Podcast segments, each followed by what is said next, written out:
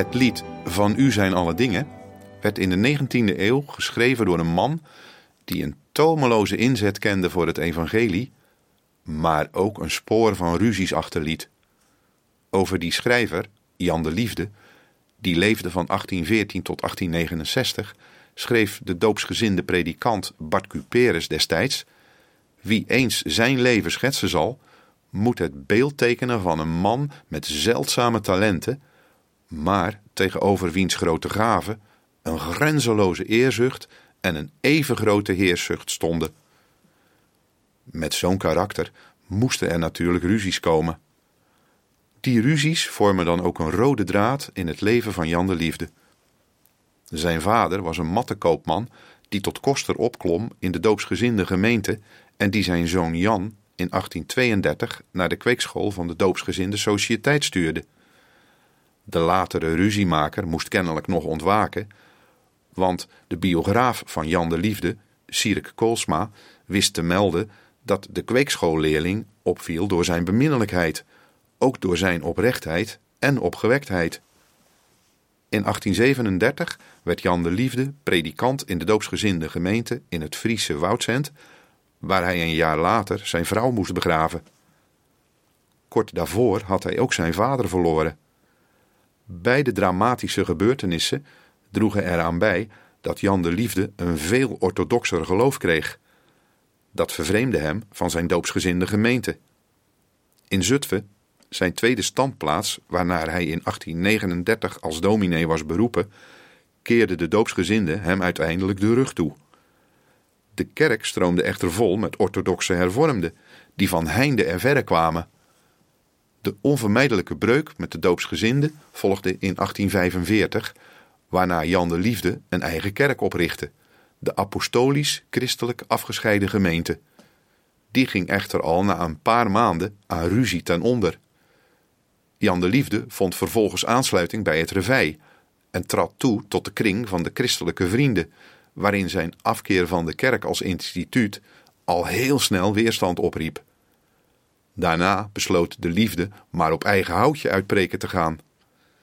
Dat bracht hem naar de Amsterdamse Jordaan, waar hij geraakt werd door de wijdverbreide armoede en vervuiling. Hij vond daar uiteindelijk zijn roeping en preekte met een turf onder zijn ene arm en een Bijbel onder de andere, zoals een tijdgenoot schreef. Jan de Liefde hield samenkomsten in zijn achterkamer, later in een timmerloods en vervolgens in een kerkgebouw aan de Bloemgracht dat hij Eben Haezer doopte. In 1855 richtte hij de Vereniging tot Heil des Volks op, van waaruit bewaarscholen en zondagscholen werden opgericht en ook bijbels en traktaten werden verspreid. Op haar hoogtepunt telde de vereniging, die was gemodelleerd naar de maatschappij tot nut van het algemeen, veertien over het hele land verspreide afdelingen.